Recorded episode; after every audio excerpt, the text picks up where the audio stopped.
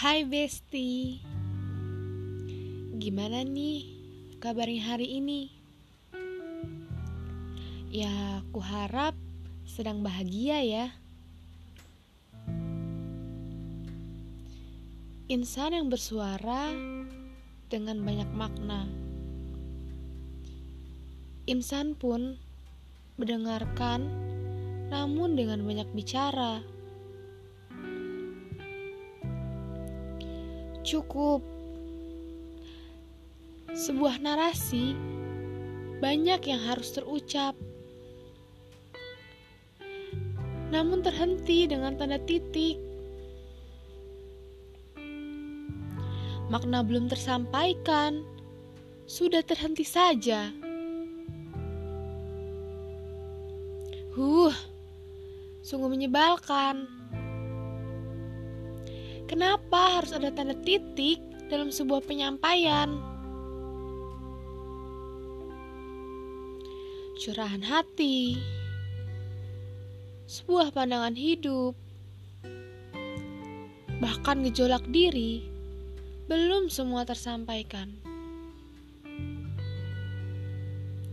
Bagaimana diri ini akan tenang?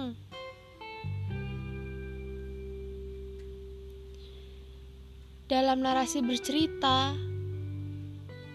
ada pula seni mendengarkan. Ya, di sini Besti. Curahan hati, gejolak diri,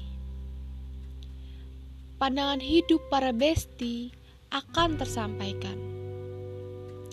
Dan kabar baiknya, narasi para besti akan didengar. Iya, pastinya tanpa titik. Berbagai obrolan,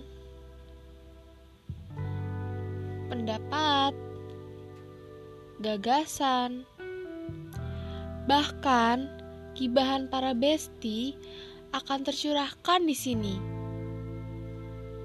tanpa titik. Dan selamat datang di narasi tanpa titik.